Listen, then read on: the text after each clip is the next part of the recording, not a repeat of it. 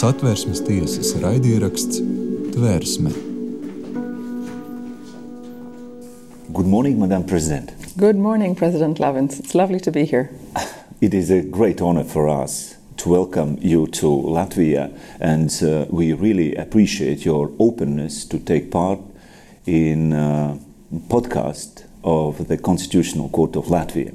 And uh, let me start with a question which uh, is related uh, with uh, our conference where we discussed the role of the judiciary in execution of uh, Strasbourg Court's judgment.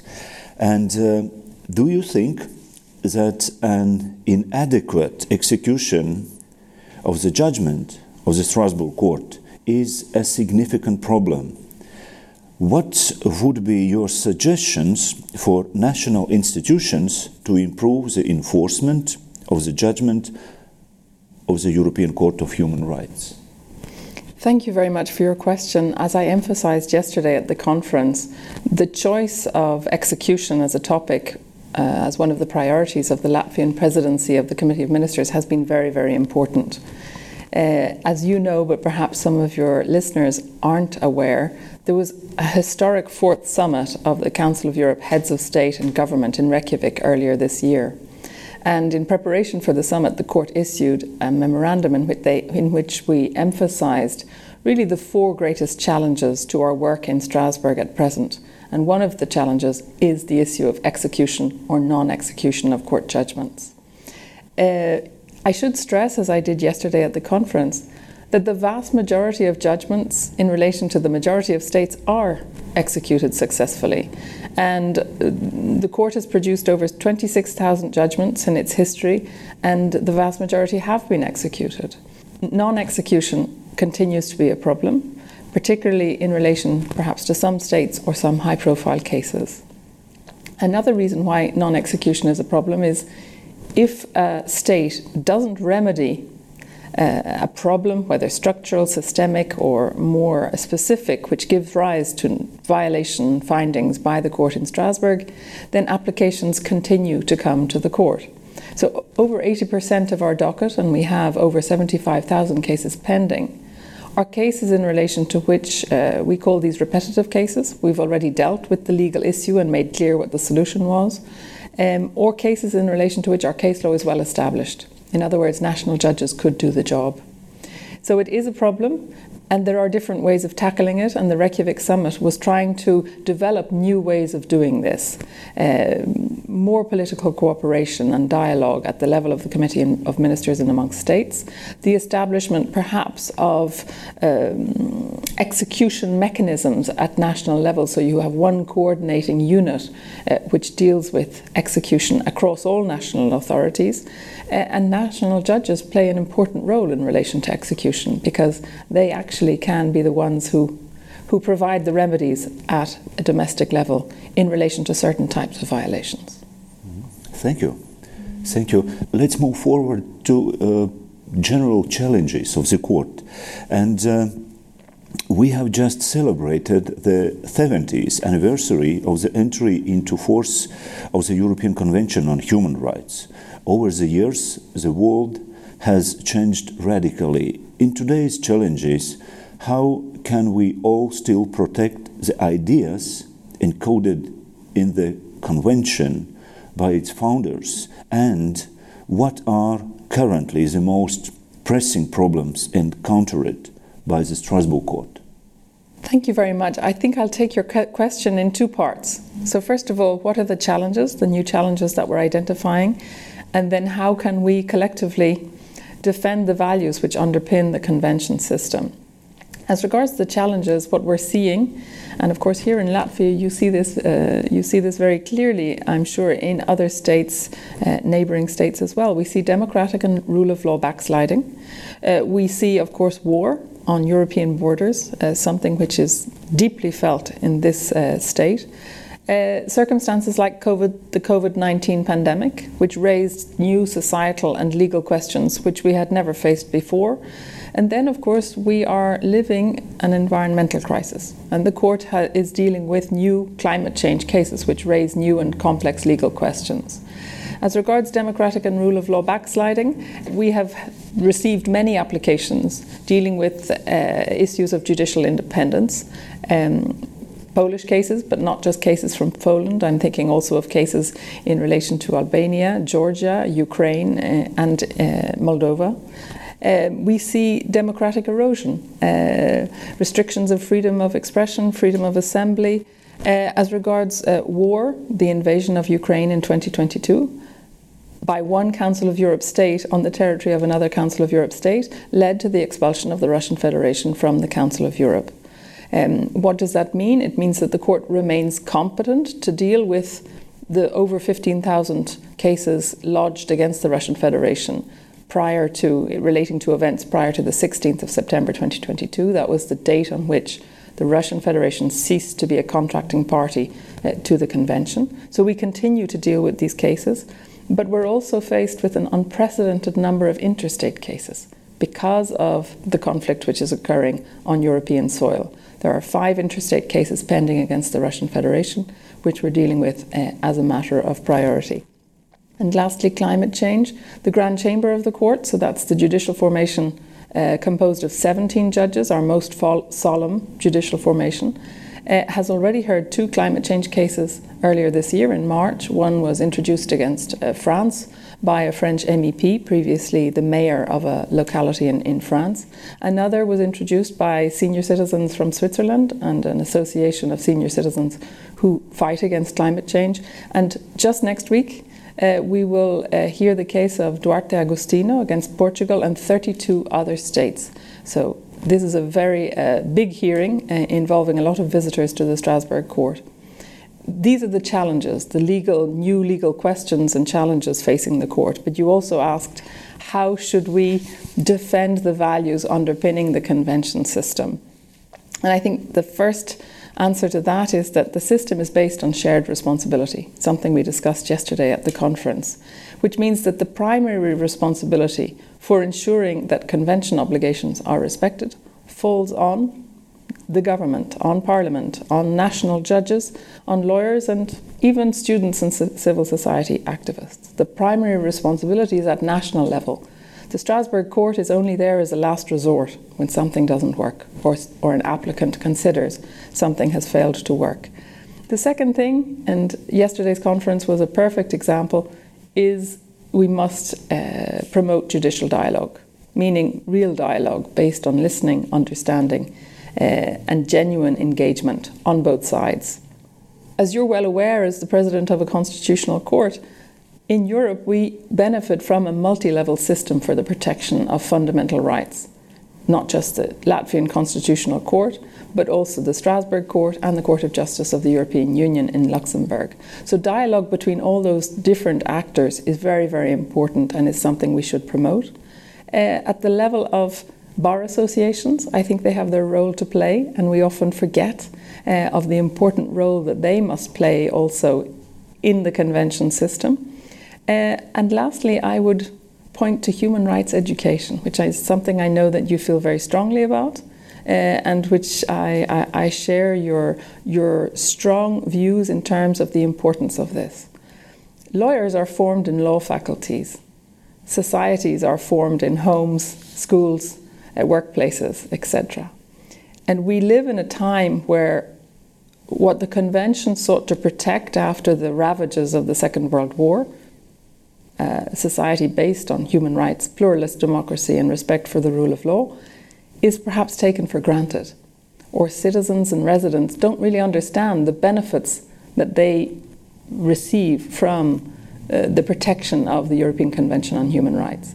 And I'd just like to quote uh, a case that I cited at the opening of the judicial year in my speech in Strasbourg. It's a case called Godenau against Germany. It's uh, a case relating to the employment of a teacher, and the court found no violation of Article 10 on freedom of expression. But I was struck by one sentence, and it's the following I'm going to quote it.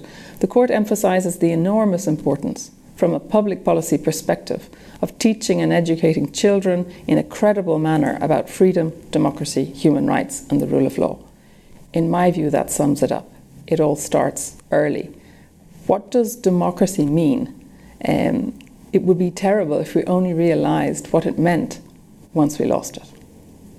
Thank you. Thank you for uh, this uh, answer and mentioning uh, aspect uh, of education, and you see how important uh, to give a proper education for pupils at the school. And uh, in this regard, let me let me add that uh, the Constitutional Court each year tries to organize dialogue as well with pupil concerning different uh, different topics uh, which is related with our constitution in order to give additional knowledge to our future generation. Well, you mentioned aspect of dialogue, and uh, yesterday in our conference, uh, almost all speakers emphasized uh, the importance of dialogue. And in this regard, let me ask question. What is, on your view, on the current state of the dialogue between the Strasbourg Court, Court of Justice of the European Union, and the national courts? Do you see there is a room for improvement? Um, it's an excellent question precisely because, as I just said, we all participate in what is a multi level system for the protection of human rights, democracy, and the rule of law. Our objective is, in, is, is the same. We just operate in different contexts national or European, a supranational court, the Court of Justice, and an international court, the European Court of Human Rights. In my view, there's a lot to celebrate. Uh, given the importance of dialogue for our work, but also the quality of the dialogue which is taking place uh, at present. Between the Court of Justice and the Strasbourg Court, we have uh, annual meetings either in Strasbourg and Luxembourg where we come together and discuss aspects of our case law um, and promote dialogue. If you look at our case law in areas such as I'm thinking of judicial independence and the rule of law, the European arrest warrant, asylum and immigration, data protection, you will see constant co- cross references uh, so a judicial conversation is occurring between the two Euro- European courts seeking to safeguard fundamental rights or human rights in those areas. Uh, as regards national courts and the two European courts, of course, national courts like yours, you use the preliminary reference procedure, asking for interpretative guidance from the Luxembourg court. Uh, and with Strasbourg, our dialogue is both indirect and direct indirect because when a case is introduced against Latvia, for example, uh, by an applicant, we're looking very, very closely at what did the Latvian courts do in this uh, in this case. Uh, but we also now have the Protocol 16 advisory opinion mechanism. Now that's formalised dialogue where we speak through our judgments and our decisions. But there is also the informal dialogue that takes place at conferences like the one that took place yesterday, or recently you and I participated in a conference involving constitutional courts, the Court of Justice, and the European Court of Human Rights uh, in Strasbourg. And these events are very, very important because it's where we are listening to the difficulties perhaps national judges are having with a particular line of case law. Why are they having difficulties? Um, and likewise, national judges are listening to us explaining the body of case law in a given area and perhaps understanding how it works a little bit better. Thank you. Um, when we speak uh, about dialogue, I always try to say that this is uh, one of the most important instruments if we speak about such a sensitive topic as constitutional identity. So, and if we are in a dialogue then we can find proper solution when some sort of uh, fundamental values to some extent overlaps and then we have to find a proper solution. So and let me let me turn to this quite a sensitive issue concerning uh, concept of constitutional identity so the issue of national constitutional identity as an obstacle to execution of uh, Strasbourg Court's judgment was also discussed at the conference. How do you view this legal issue? Can constitutional identity be perceived only as a threatening exception? Or can we also see it as a reconciling instrument in certain cases. What is your view on this? Thank you very much for this question. Um, so, the character of any state is defined in a fundamental way by its fundamental law. Uh, written or unwritten constitutions. And within the constitution, you find a state's constitutional identity. In some states, like Latvia, and as we heard yesterday, German, Germany, uh, constitutional identity is written in as a concept into the constitution. In others, it's not existing there uh, explicitly as a concept, but of course, it's there, uh, informing the whole body of laws, the democratic life of the state, and to some extent grounding government policies and actions. And the history of a state is undoubtedly relevant to its constitutional identity. And we see this very clearly in relation to a state like Latvia. And I think it's important for me as a, a human rights judge and president of the court in Strasbourg to emphasize that the vocation of a human rights treaty uh, or international human rights judges isn't to override, substitute, or compete with national constitutions or with national constitutional identity. But as I did stress yesterday in my keynote speech, uh, a system based on shared responsibility has to also be based on trust that the Strasbourg court will remain sensitive uh, to national, cultural, and constitutional heritage. And I think we have good examples of where the Strasbourg court, in Latvian cases, has been very sensitive uh, to this issue. I'm thinking of cases like Ždanoka from several years ago, where the court found no violation of, um, of the right to free elections in Article 3 of Protocol 1. Uh, I'm thinking of the majority judgment of the Grand Chamber in Savickis and others against Latvia, where the court engaged in very extensive judicial dialogue with the Constitutional Court of Latvia.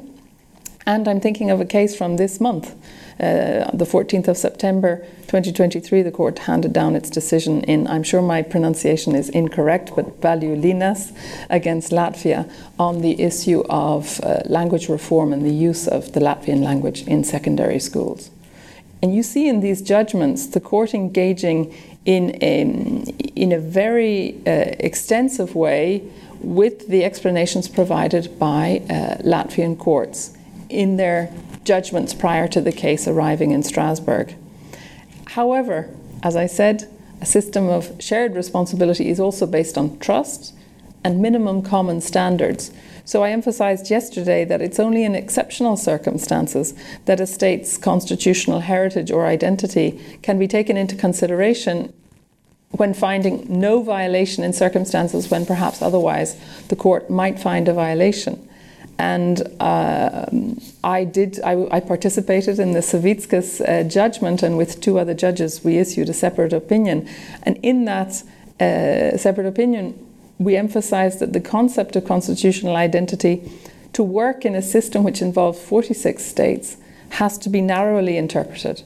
It has to focus on the fundamental structures, political and constitutional, of the state because there is a risk that otherwise you do find yourself on a slippery slope uh, whereby each of the 46 states lays claim to their own constitutional heritage, traditions, identity, and uses that as an obstacle to the protection, to the effective protection of fundamental rights.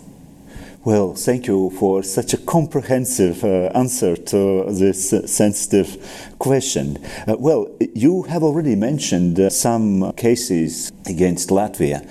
Let me start this question with the fact from your professional career that for the last four years you have been a judge of the fifth section of the court, which also deals with Latvian cases. Well, as I said, you have already mentioned some of them, but is there any interesting case you would like to mention at this, uh, at this uh, conversation to characterize what does it mean to work uh, with the cases against Latvia? In fact, I've worked on Latvian cases for six years uh, and had the pleasure of working with your national judge, Mārtiņš Mits, uh, almost for the entire time I've spent working as a judge in, in Strasbourg in Section 5. Uh, so I have dealt with quite a few uh, Latvian uh, cases. The cases I've mentioned, the ones which touch on issues of constitutional identity, are somewhat exceptional. So, and those cases, as you saw, Ždanoka, also Savickis, these cases went to the Grand Chamber. Another sign of the sensitivity with which the court approaches uh, the issues which were raised in those cases. I wasn't in the recent uh, Valiulinas uh, case because I only sit in Section 5 now when there are Irish cases. As President of the Court, you only sit at section level uh, in cases in relation to your own state. But there were very many uh, interesting Latvian cases during my time in, in Section 5, and they were very varied. Latvia is a state which you don't see systemic or structural problems as such. Um, there may be some recurring issues. I'm thinking of uh, Article 8 questions in relation to search and seizure. There were some issues of that nature. But we've had a lot of interesting cases. Um, EK against Latvia, non enforcement of a domestic court judgment on custody. Uh, Rimsevich against Latvia. Uh, a case on Article 5. I know there's another case pending on Article 6. I won't, uh, of course, mention the pending case. That was an interesting case because, of course, there had been both a direct action and a preliminary reference to the Luxembourg court on the issues relating to this very uh, case because the applicant had previously been a governor of the European Central Bank. Uh, so the, here's a case where you see that Luxembourg and Strasbourg have to finally uh, respect and understand the case law of the other. Um, other cases which were very interesting. Naumenko is a case, I think, in relation to a dawn raid in a competition case. So again, we're touching on issues which have um, resonance in EU law because of the importance of competition law. Uh, Straume against Latvia was a case in Article 11, dismissal of a trade union uh, member because of uh, different issues that they had, had come forward with. And an interesting case, I thought, because we had a number of cases on the same issue coming from Latvia, Lithuania, and Poland, is a case called MA. It's about pushbacks or alleged pushbacks on the, uh, the border with Belarus. And whereas in the Lithuanian and Polish cases, the court found a violation of, um, of Article 4 of Protocol 4, uh, in Section 5, we found that the case was manifestly ill founded because simply the applicants had not demonstrated to the requisite degree that they had been the subject of the unlawful treatment they c- complained of. Why do I find this case interesting? Because it shows you that we really do look very carefully, case by case, at the individual circumstances, and we expect there to be a, a certain standard and burden of proof which has to be, um, which has to be uh, disposed of by the applicants and by the respondent governments when appropriate. Thank you for this interesting conversation uh, with you.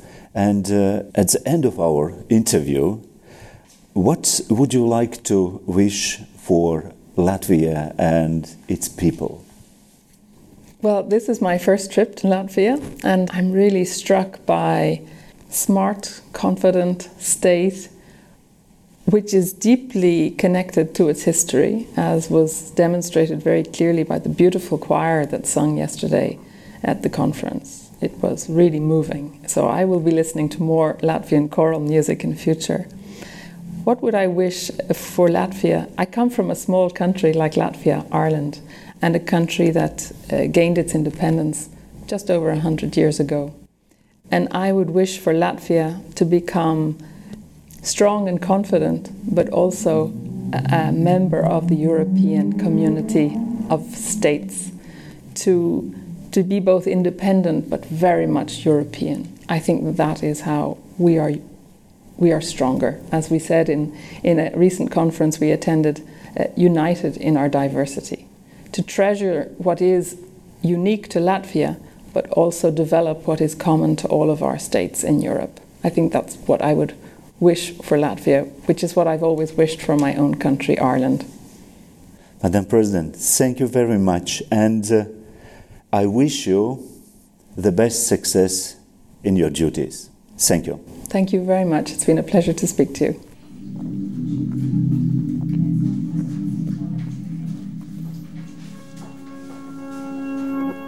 Satversmes tiesas raidieraksts Tvērsme